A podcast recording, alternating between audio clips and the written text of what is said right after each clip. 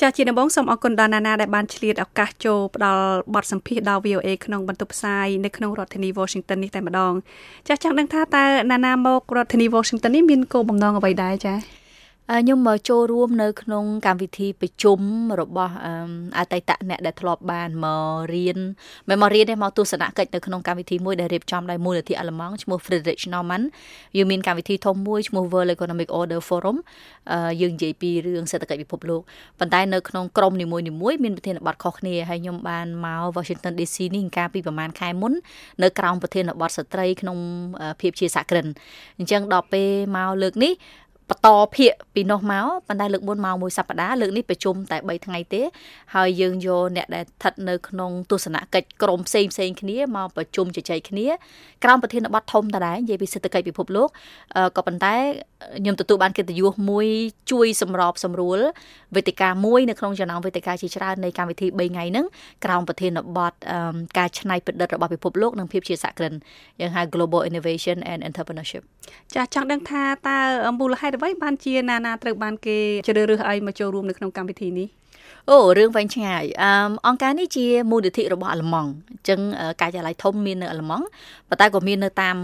តំបន់ផ្សេងផ្សេងមានអឺរ៉ុបមានអាស៊ីអាគ្នេយ៍មានអីចឹងណាហើយខ្ញុំធ្លាប់ជាអតីត អឺសិក្ខាកាមយើងហៅសិក្ខាកាមចុះចូលរួមនៅក្នុងកម្មវិធីនៅអាល្លឺម៉ង់ហ្នឹងពីរដងអញ្ចឹងបើតែខ្ញុំស្គាល់មូលនិធិអាល្លឺម៉ង់ហ្នឹងរៀងយូរដែរហើយប៉ុន្តែនៅអាមេរិកនិងនៅកាណាដាហ្នឹងគេមាន office មួយដែរនៅអាមេរិកហ្នឹងនៅ Washington DC នេះឯងហើយនៅពេលដែលគេចាប់ផ្ដើមមានកម្មវិធីហ្នឹងគេក៏បានប្រាប់ទៅប្រទេសផ្សេងផ្សេងទៀតដែលចង់បញ្ជូនបេក្ខភាពពីតំបន់របស់ខ្លួនឯងមកអញ្ចឹងកាលពីមកខែ3ហ្នឹងខ្ញុំត្រូវបានខាងមូលនិធិ Friedrich Naumann Foundation ហ្នឹងនៅក្នុងតំបន់អាស៊ីអាគ្នេយ៍ហ្នឹងគាត់ដាក់ពាក្យបញ្ជូនមកអញ្ចឹងក៏ជាប់ទៅ កាលពីមកលើកមុនណាណាដល់ពេលយើងមកលើកមុនហើយប្រហែលជាកាលពីមកលើកមុនធ្វើការងារយកចិត្តទុកដាក់តែដឹងបានគេហៅមកម្ដងទៀតអញ្ចឹងណាណាមកនេះក្នុងនាមជាបេក្ខជនមកពីតំបន់អាស៊ីអាគ្នេយ៍មិនមែនជាបេក្ខជនមកតែពីប្រទេសកម្ពុជាដោយសារជា Frederick Naumann Foundation គាត់អត់មានការិយាល័យគ្រប់ប្រទេសទាំងអស់ទេគាត់មានការិយាល័យប្រចាំតំបន់អឺ ដូចអាមេរិកកាណាដាហ្នឹងគាត់មាន office មួយអឺនៅនៅដូចជាថៃវៀតណាមកម្ពុជាស្រីគ្នាហ្នឹងគាត់មាន office មួយនៅបាងកកអញ្ចឹងគាត់អត់មាននៅគ្រប់ប្រទេសហ្មងឯងអញ្ចឹងវាមិនមែនជាការប្រកួតប្រជែងប្រចាំប្រទេសទេតំបន់នីមួយនីមួយគេត្រូវបញ្ជូនបេក្ខភាពមកហើយបេក្ខភាពហ្នឹងគឺដាក់ពាក្យអីអញ្ចឹងទៅ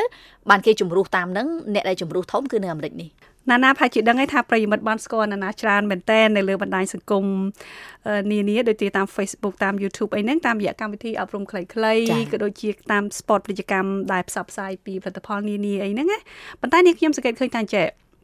រាល់វីដេអូឃ្លីបរបស់ណានាឬក៏ជាពិសេស sport ផ្សាយពាណិជ្ជកម្មអីហ្នឹងណានាអាចដែលថតផ្សាយពីផលិតផលស្រាបៀរឬក៏បរិយាហើយអឺ សំបីតែការពីពិធីរៀបការប្រោះណានាក៏អត់មានបំរើជាគ្រឿងសង្វឹងគ្រឿងសង្វឹងដែរចង់ដឹងថាតើការដែលណានាថតផ្សាយពាណិជ្ជកម្មឲ្យទៅខាងក្រុមហ៊ុនអីផ្សេងផ្សេងហ្នឹងណានាមានគំនិតខ្លួនឯងបង្កើតជា sport របៀបហ្នឹងហើយបើសិនជាគំនិតរបស់ណានាមែនតើគោលបំណងអ្វីបានជាមិនថតផ្សាយផ្សព្វផ្សាយពីស្រាបៀរឬក៏ពីបរិយចឹងអឺទីមួយខ្ញុំត្រូវផ្សាយអីដែលខ្ញុំជឿ ហើយខ្ញុំមិនដឹងស្វាមីខ្ញុំអត់ញ៉ាំគ្រឿងសង្វឹងទេអត់សោះហ្មង បើខ្ញុំសូមបញ្ជាក់ថាយើងមិនមានអីទៅប្រឆាំងទៅនឹងការប្រកបមុខរបរគ្រឿងសង្វឹងទេព្រោះវាជាមុខរបរស្របច្បាប់ទេវាអត់មានអីខុសច្បាប់ទេហើយខាងរោងចក្រស្រាបៀរទាំងអស់ក៏គាត់បានផ្ដល់ការងារច្រើនឲ្យប្រជាពលរដ្ឋគាត់ធ្វើការក៏ឲ្យតែគាត់បានគោរពតាមច្បាប់គោលការណ៍ត្រឹមត្រូវខ្ញុំអត់មាននិយាយថាគាត់ខុសទេណាបងតែគាត់ថាខ្ញុំខ្លួនឯងវាអត់ញ៉ាំចឹងនៅពេលដែលខ្ញុំអត់ញ៉ាំខ្ញុំផ្សាយក៏អត់កើតដែរអញ្ចឹងរបស់ដែលខ្ញុំផ្ទះខ្ញុំនៅទូរស័ព្ទខ្ញុំប្រើរបស់ដែលខ្ញុំផ្សាយពាណិជ្ជកម្មវាសិនរបស់ដែលខ្ញុំប្រើអញ្ចឹងទីមួយដោយសារខ្ញុំខ្ញុំនិងគ្រូសាខ្ញុំទាំងពីរនាក់សិតតែអត់ទទួលទានគ្រឿងសង្វឹងដូចគ្នា ទី2អឺបើនិយាយគិតពីផលចំណេញនៃចំនួនវិញព្រោះធម្មតានៅពេលដែលយើងធ្វើចំនួនខ្ញុំចង់ធ្វើអីដែលអ្នកផ្សេងគេអត់សូវធ្វើដែរហើយយើងមានអ្នកសិល្បៈយើងច្រើនទៀតណាដែលគាត់ផ្សាយគ្រឿងសង្វឹងហើយហើយលើពីនឹងទៀតខ្ញុំខ្លួនឯងផ្ទាល់តាំងតែពីដើមមកខ្ញុំមិនដឹងនិយាយថាម៉េចទេលុយចង់បានបងលុយចង់បានក៏ប៉ុន្តែខ្ញុំចង់អាពេលដែលធ្វើអីបានលុយហើយវាបានតែមោទនភាពទៀតណាហើយអញ្ចឹងអឺ កុំថាឡើយស្រាវិយាដែលវាវាអាចប៉ះវាប៉ះពាល់សុខភាពសំបីតាដោយហាងកែសម្ផស្សអីជាដើមដោយសារខ្ញុំវាអត់ខ្ញុំអត់កែដល់អញ្ចឹងទៅខ្ញុំក៏អត់ចង់ផ្សាយដែរហើយជាទូទៅបងឃើញស្រាប់ហើយថានៅក្នុងវីដេអូខ្ញុំទាំងអស់ឬក៏ខ្លឹមសារនៃការផ្សាយពាណិជ្ជកម្មរបស់ខ្ញុំទាំងអស់ខ្ញុំនិយាយបែបលក្ខណៈធម្មជាតិធម្មជាតិខ្ញុំអត់សូវមិនអត់សូវអត់មកអត់ទិញប្រូអត់អីទេអញ្ចឹងបើឧទាហរណ៍ថាខ្ញុំផ្សាយពាណិជ្ជកម្មអាណាដែលខ្ញុំអត់អត់ជឿ វិញនិយាយទៅវាឆ្កងមាត់ដែរណាអញ្ចឹងអញ្ចឹងសម្រាប់ចិត្តអត់បដ ாய் ទៅចាអញ្ចឹងខ្ញុំខ្ញុំចង់បានលុយស្របពេលដែលចង់បានលុយដោយមោទនភាពហើយលុយដែលបានមកដោយមោទនភាពហ្នឹងគឺដែលខ្ញុំគិតថាធ្វើទៅវាចំណេញដល់ប្រិមិត្តរបស់ខ្ញុំដែរព្រោះខ្ញុំមានដល់ថ្ងៃហ្នឹងក៏ដោយសារតែប្រិមិត្តខ្ញុំដែរខ្ញុំមានប្រិមិត្តជិត1លានអ្នកនៅលើ page ខ្ញុំអញ្ចឹងខ្ញុំចង់ឲ្យពួកគាត់បានអីត្រឡប់ទៅវិញដែរបើទោះបីជាវិជ្ជាការផ្សាយពាណិជ្ជកម្មក៏ដោយចាមួយទៀតនាងខ្ញុំចាប់អារម្មណ៍ឃើញថារាល់វីដេអូ របស់ណានាដែលបង្ហោះនៅលើបណ្ដាញសង្គមហ្នឹងហាក់ដូចជាមានលក្ខណៈខុសពីគេខុសមិនខុសដូចថាថាមុននឹងណានានិយាយដល់ផលិតផលអីមួយហ្នឹងណានាច្រើនតែនិយាយពីការអប់រំចា៎ជាពិសេសពាក់ព័ន្ធជាមួយនឹងជីវភាពរស់នៅប្រចាំថ្ងៃថាតើភាគច្រើនដែលយើង ជួបប្រទេសហ្នឹងណាណាលើកឡើងពីហេតុផលហ្នឹងហើយឲ្យជាអនុសាសន៍ឬក៏វិធីដោះស្រាយអីតិចតាមហ្នឹងទៅចឹងដឹងថា មានគោលបំណងអីបានជាយើងណានាបង្កើតរបៀបជាវីដេអូរបៀបចឹងឡើងចាតែពិតពីដំបូងគ្មានគោលបំណងអីទេបងគ្រាន់តែខ្ញុំមានគំនិតខ្ញុំចេះតែនិយាយទៅណាប៉ុន្តែនៅពេលដែលខ្ញុំ កែប្រែអាគំនិតសម័យសម័យហ្នឹងទៅជាការផ្សព្វផ្សាយពាណិជ្ជកម្មពីដំបូងរៀងពិបាកដែរដោយសារតែភាគច្រើនខាងម្ចាស់ផលិតផលគេចង់ឲ្យយើងកាន់ផលិតផលគេនិយាយតើយើងល្បីគេចង់ឲ្យយើងកាន់របស់គេនិយាយអញ្ចឹងណាប៉ុន្តែជាលក្ខខណ្ឌគឺខ្ញុំអត់ធ្វើហ្មងអាហ្នឹងឬក៏ធ្វើក៏ខ្ញុំយកថ្លៃកប់ហ្មងអញ្ចឹងហើយ ខ្ញុំភាកច្រើនខ្ញុំអត់លើកទឹកចិត្តឲ្យគេធ្វើអញ្ចឹងទេហើយខ្ញុំគិតថាសម័យនេះហើយយើងផ្សាយពាណិជ្ជកម្មត្រង់ត្រង់ពេកគេក៏មិនសូវមើលទេខ្ញុំព្យាយាមបញ្យល់ទៅម្ចាស់ឧបត្ថម្ភវិញណាអញ្ចឹងផ្សាយពាណិជ្ជកម្មរបស់ខ្ញុំខ្ញុំព្យាយាមឲ្យច្រើនផុត30%ហើយមានមានពេលខ្លះដែរដែលខ្ញុំត្រូវផ្សាយបែបត្រង់ត្រង់ដែរប៉ុន្តែខ្ញុំឧទាហរណ៍ដូចក្រុមហ៊ុនមួយដែលគាត់ជួលខ្ញុំឧទាហរណ៍ថាលើគាត់មាន2 10 clip ជាមួយខ្ញុំក្នុងមួយឆ្នាំយើងកងត្រាមួយគ្នាក្នុងហ្នឹងអាចមាន2ទៅ3ដែលយើងនិយាយត្រង់ត្រង់ក្រៅពីហ្នឹងគឺសិតតែត្រូវផ្សារភ្ជាប់ជាមួយនឹងខ្លឹមសារអប់រំខ្លះខ្លះ ម្ដងទៀតខ្ញុំចង់បានលុយហើយខ្ញុំមានមោទនភាពខ្ញុំសប្បាយចិត្តណាខ្ញុំមានអារម្មណ៍ថាគេមើលវីដេអូខ្ញុំហើយគេមិនមែនខ្ញុំមិនមែនបានតែលក់ទេប៉ុន្តែគេក្រៅតែពេលបានឃើញសេវាកម្មនឹងឃើញផលិតផលនឹងហើយគេមានស្អីមួយដែលគេអាចមានប្រយោជន៍សម្រាប់ជីវិតរបស់គេហើយខ្ញុំគិតថាអានឹងលក្ខណៈធម្មជាតិមែនតើបងកាលណាយើងមើលអីហើយយើងមានអារម្មណ៍ថាយើងមានប្រយោជន៍ចំពោះយើងយើងខ្លួនឯងក៏មើលទៀតដែរអញ្ចឹងអ្នកឧបត្ថម្ភកម្មវិធីខ្លះជួនកាលគាត់ថាតែឃើញបោះបងតិចពេកចឹងខ្ញុំសួរគាត់វិញបងឥឡូវ ឥឡូវបងឯងកុំគិតថាបងឯងម្ចាស់ផលិតផលហ្នឹងបើសិនជាគេនិយាយពាណិជ្ជកម្មអាហ្នឹងបងឯងបងឯងមើលអត់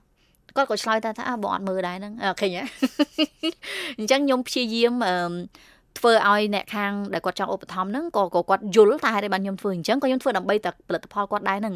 អឺមួយទៀតខ្ញុំចង់ឲ្យប្រិមិត្តខ្ញុំនឹងបានចំណេញដូចគ្នាហើយខ្ញុំខ្ញុំមានអារម្មណ៍ថាពីដំបូងពិបាកបងពីដំបូងទៅនិយាយមួយម្ចាស់ឧបត្ថម្ភពិបាកប៉ុន្តែឥឡូវ វាអត់ពិបាកសោះហ្មងវាស្រួលខ្លាំងមែនតើរហូតដល់រហូតដល់ពីដំបូងខ្ញុំដាក់លក្ខខណ្ឌណាបងបើគាត់បែបនិយាយដេកដេកហ្នឹងខ្ញុំអត់ធ្វើទេអឺប៉ុន្តែឥឡូវមានអ្នកធ្វើជាមួយខ្ញុំច្រើនមែនតើច្រើនរហូតដល់ពេលខ្លះពេកខ្ញុំបង្ហោះច្រើនពេកខ្ញុំអត់ចង់ច្រើនពេកហ្មងអញ្ចឹងជួនកាលកាត់ខ្លះក៏មានដែរចាក្រៅពីមុខរបរកិច្ចការរស់ស៊ីថត ផ្សាយពាណិជ្ជកម្មចាអញ្ចឹងហើយអ្នកពីនេះលក់ចាក្រៅពីហ្នឹងមានជាកម្មវិធីអីផ្សេងទៀតដែលណានាជួយទៅខាងកន្លែងផ្សេងផ្សេងដើម្បីផ្សព្វផ្សាយពីការអប់រំអីផ្សេងផ្សេងអីដែរទេអឺដោយសារតែខ្ញុំខ្លួនមួយបងភាសាអ្នកស្រុកសម័យហើយក្បាលមួយតែឯងណាអញ្ចឹងខ្ញុំស្រួលបងខ្ញុំអត់មានម៉ោងការងារខ្ញុំអត់មានលក្ខខណ្ឌខ្ញុំមានតែកងត្រាមួយចំនួនជាមួយនឹងអ្នកដែលខ្ញុំផ្សាយ ឧបត្ថម្ភឲ្យគាត់ជាប្រចាំអានឹងមានកងត្រាមមួយចំនួនថាមួយខែយើងត្រូវប៉ុណ្ណេះឃ្លីបប៉ុណ្ណេះឃ្លីបហើយប្រធានបទជាទូទៅម្ចាស់ឧបត្ថម្ភខ្ញុំក៏ដែរខ្វល់ខ្ញុំនិយាយអីនិយាយអីយើឲ្យតែដាក់ផលិតផលគាត់តិចតិចចឹងណាហើយនឹងយើងលក្ខខណ្ឌមួយគ្នាតាំងពីដំបូងប៉ុន្តែដល់ពេលក្រៅតែពីថតវីដេអូថតអីហ្នឹងខ្ញុំនៅតែខ្ញុំជាទូតកិត្តិយសរបស់អង្គការផ្លិតអន្តរជាតិកម្ពុជាអឺនិយាយទៅបើខាងខាង NGO ឬខាង UN ឬខាងរដ្ឋគាត់ត្រូវការខ្ញុំជួយខ្ញុំអត់យកតម្លៃពេញដូចខ្ញុំធ្វើឲ្យ ផ្សាយពាណិជ្ជកម្មនេះខ្ញុំថត clip ឲ្យ UNICEF ឲ្យខាង World Bank ឬក៏ឲ្យខាងក្រសួងអប់រំយុវជននិងកីឡាឬក៏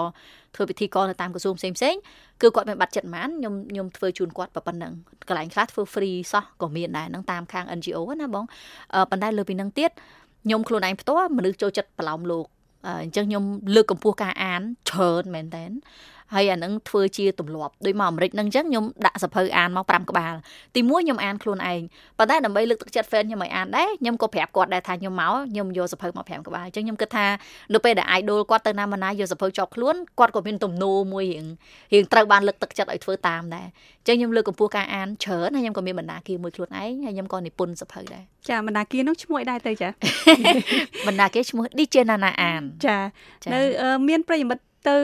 បណ្ណាគារនឹងច្រើនទេច្រើនបងតាមពិតតែពិតបណ្ណាគារគ្រាន់តែជាកន្លែងទៅយកសភៅឯងមែនតែនទៅដោយសារតែពីមុនពេលអត់ទាន់មានបណ្ណាគារហ្នឹងពេលដែលមានសភៅខ្លះនិយាយទៅជាបងពីដំបូងឡើយខ្ញុំមិនឃើញចង់បើកបណ្ណាគារទេទីមួយខ្ញុំចូលចិត្តអានសភៅខ្លួនឯងស្រាប់ខ្ញុំគង់អានដដែលទេទីពីរអ្នកនិពន្ធយើងបងគាត់និពន្ធល្អល្អជាពិសេសអ្នកនិពន្ធក្មេងៗច្រើនឥឡូវណាប៉ុន្តែគាត់អត់សូវជាផ្សាយពាណិជ្ជកម្មទេហើយ បើសិនជាយកលុយមកជួលខ្ញុំផ្សាយពាណិជ្ជកម្មហ្នឹងសភៅពី3000ក្បាលហ្នឹងគ្មានរួចអីក្រៅតែពីជួលខ្ញុំផ្សាយពាណិជ្ជកម្មទេអញ្ចឹងខ្ញុំគិតថាដើម្បីចំណេញទាំងអស់គ្នាខ្ញុំជួយខ្ញុំយកភាគរយពីលើសភៅរបស់គាត់ដល់ពេលអញ្ចឹងបើភាគរយតិចមែនតើអឺបើគិតថ្លៃខ្លួនខ្ញុំខ្សែពាណិជ្ជកម្មវាវាអត់អត់បានស្មើថ្លៃខ្លួនទេប៉ុន្តែដល់ពេលខ្ញុំបើកជាបណ្ណាគារអញ្ចឹងទៅគាត់យកសភៅមកផ្ញើខ្ញុំលក់ទៅខ្ញុំគិតភាគរយខ្ញុំជួយប្រម៉ូទសភៅឲ្យគាត់ទៅហើយវាចំណេញចំណេញទាំងអស់គ្នាខ្ញុំមិនបានជាលុយច្រើនដូចខ្ញុំខ្សែពាណិជ្ជកម្មឲ្យក្រុមហ៊ុនធម្មតាប៉ុន្តែម្ដងទៀត វាធ្វើខ្ញុំមានមោទនភាពចំពោះខ្លួនឯងមែនតើចារាល់វីដេអូដែលណាណាបង្ហោះនៅលើ page របស់ខ្លួនឯងហ្នឹងតើថាភាគច្រើន fan របស់ណាណាហ្នឹងចង់ឃើញជាវីដេអូរបៀបម៉េចខ្លះបើនិយាយថាវីដេអូរបៀបម៉េចគឺវីដេអូបែបខ្ញុំអង្គុយនិយាយម្នាក់ឯងជាទូទៅវីដេអូដែលខ្ញុំអង្គុយនិយាយម្នាក់ឯងដែលមាន2នាទីកន្លះ3នាទី4នាទីហ្នឹង គឺជាវីដេអូដែលមាន viewer ច្រើនជាងគេព្រោះដោយសារតែ fan ខ្ញុំគាត់ទម្លាប់ណាព្រោះខ្ញុំនិយាយមកវាច្រើនឆ្នាំហើយគាត់ទម្លាប់នឹងឃើញខ្ញុំនិយាយប្រើប្រើប្រើប្រើចប់សាច់រឿងប៉ុន្តែពេលខ្លះយើងក៏ចង់ឲ្យវាមានមនោសញ្ចេតនាខ្លះមានអីខ្លះអញ្ចឹងជួនកាលយើងថតជារឿងដែរយើងថតជារឿងប៉ុន្តែគាត់ថារឿងវាចាយលុយច្រើនវាស៊ីពេលច្រើនវាវាចូលមុំតែចូលដល់ចំណុចហ្នឹងវាយូរណាប៉ុន្តែក៏ខ្ញុំធ្វើខ្លះដែរដើម្បីឲ្យវាមានរសជាតិខុសៗគ្នាច្រើនតាមអ្វីដែលណាណា រៀបរាប់មិញហ្នឹងមើលទៅជីវិតណាណាដូចជារវល់មែនតែនទាំងការងារជួយខាងអប់រំផង ទាំងការងាររកស៊ីផងណាហើយហេតុអីបានជានៅតែឆ្លៀតពេលមកចូលរួមកម្មវិធីដូចជាឥឡូវហ្នឹងមកអាមេរិកដើម្បីចូលរួមកម្មវិធីរយៈពេលប្រហែលថ្ងៃហ្នឹងអឺរបត់ជីវិតរបស់មនុស្សហ្នឹងបងអង្ការពីខ្ញុំនៅក្មេង6 7 10រហូតដល់ប្រហែលជា24 25ខ្ញុំដើរច្រើនមែនតើហ្មង នៅអាស៊ីនៅអឺរ៉ុបខ្ញុំទៅរៀនគ្រប់កន្លែងទាំងអស់ដល់ពេលចូលដល់ចាប់ផ្ដើម ខ្លាយជា DJ Nana ចាប់ផ្ដើមមាន DJ Nana TV មាន DJ Nana Tips ចាប់ផ្ដើមធ្វើអាជីវកម្មរវល់យកតែមែនតើក៏ឈប់ឈប់ទៅរៀននៅខាងក្រៅកម្មវិធីគឺកម្រទៅប៉ុន្តែនៅពេលដែលខ្ញុំដោះស្រាយបាត់ឲ្យគេយូរទៅខ្ញុំខ្លួនឯងត្រូវការចំណេះដឹងបន្ថែមដែរហើយធម្មតាអាចចំណេះដឹងទូទៅហ្នឹងវាមានច្រើនកាលណាល្អកាលហ្នឹងទោះយើងអានសភៅហើយហើយបើថាមានអីអាចមករៀនបានរៀនទៀតទៅអញ្ចឹង ខ្ញុំមានអារម្មណ៍ថាជីវិតខ្ញុំស្ដាប់រឿងឯកជនរបស់អ្នកដទៃវាច្រើនអញ្ចឹងជួនកាលបានដកឃ្លាមកនិយាយរឿងពិភពលោកខ្លះទៅមកនិយាយរឿងសេដ្ឋកិច្ចមកនិយាយរឿងយោបាយទៅវាធ្វើឲ្យខ្លួនឯងនេះមានអារម្មណ៍ថាវាមាន គ្រប់រសជាតិនៃជីវិតហើយម្យ៉ាងខ្ញុំរៀនផ្នែកទំនាក់ទំនងអន្តរជាតិខ្ញុំក៏មិនចង់ចោលអាចំណេះដែលខ្ញុំមកពីសាលាអស់នោះឲ្យវាឃ្លាតទៅឆ្ងាយពេកដែរព្រោះថ្ងៃខ្ញុំធ្វើការខាងប្រព័ន្ធផ្សព្វផ្សាយច្រើនជាងខាងមីឌាណាអញ្ចឹងខ្ញុំគិតថាចំណេះដឹងមានច្រើនកាលណាល្អកាលហ្នឹងហើយបើឆ្លៀតបានប៉ុណ្ណាយកប៉ុណ្ណឹងបើខ្ញុំឆ្លៀតបានតែកម្មវិធីខ្លីៗនឹងដែរដូចមកអាមេរិកអញ្ចឹងខ្ញុំមកតែ3ថ្ងៃទេអ្នកណាក៏ផ្អើលដែរដល់ពេលដែលប្រាប់ថាខ្ញុំមកតែ3ថ្ងៃប៉ុន្តែបើឲ្យមកច្រើនជាងនឹងអត់មានពេលដែរព្រោះវីសាខ្ញុំបាន3ខែគេថាពជាពេលបន្តិចឥឡូវពជាមិន បើខ្ញុំទៅដល់ស្រុកខ្មែរថ្ងៃ11ខ្ញុំមានពិធីកគេថ្ងៃ12ហើយហ្នឹងអញ្ចឹងខ្ញុំវាជាប់ការងារច្រើនដែរប៉ុន្តែខ្ញុំលើកទឹកចិត្តឲ្យអឺពាក្យថារៀនមិនមែនបានន័យថាតតែបញ្ញាបត្រតតែអនុបណ្ឌិតតតែបណ្ឌិតទេអេហ្នឹងល្អរៀនទៅណាប៉ុន្តែដូចខ្ញុំអញ្ចឹងរវល់ច្រើនអីច្រើនយើងឆ្លៀតរៀនតាមលទ្ធភាពដែលអាចធ្វើទៅបានហើយអាការជិះយន្តហោះមក3 4ថ្ងៃហើយមករៀនតែ3ថ្ងៃហ្នឹងស្ដាប់ទៅវាហាក់បីដូចជាតិចក៏ប៉ុន្តែដោយសារតែអ្នកដែលមកចូលរួមប្រជុំមួយគ្នាហ្នឹងសិតតែមនុស្ស កំពូលមនុស្សហ្មងហ្មងប្រចាំប្រទេសមួយមួយអញ្ចឹងវាជាបទពិសោធន៍ក្នុងជីវិតដែលយើងមិនអាចរំលងបានតតែសោះហ្មងចាស់នេះខ្ញុំសូមអរគុណដល់ណាណាដែលបានឆ្លៀតឱកាសដល់ VOA ដើម្បីសម្ភាសណាណាពាក់ព័ន្ធជាមួយនឹងដំណើរទស្សនកិច្ចមកសហរដ្ឋអាមេរិកហើយក៏ដូចជាការងារផ្សេងផ្សេងទៀតដែលណាណាបានធ្វើកន្លងមកហើយក៏កំពុងធ្វើហើយក៏នឹងធ្វើនៅក្នុងប្រទេសកម្ពុជាដែរចាអញ្ចឹងនេះខ្ញុំសូមជម្រាបលាណាណាអរគុណបងអរគុណសម្រាប់បាយថ្ងៃត្រង់ថ្ងៃមិញ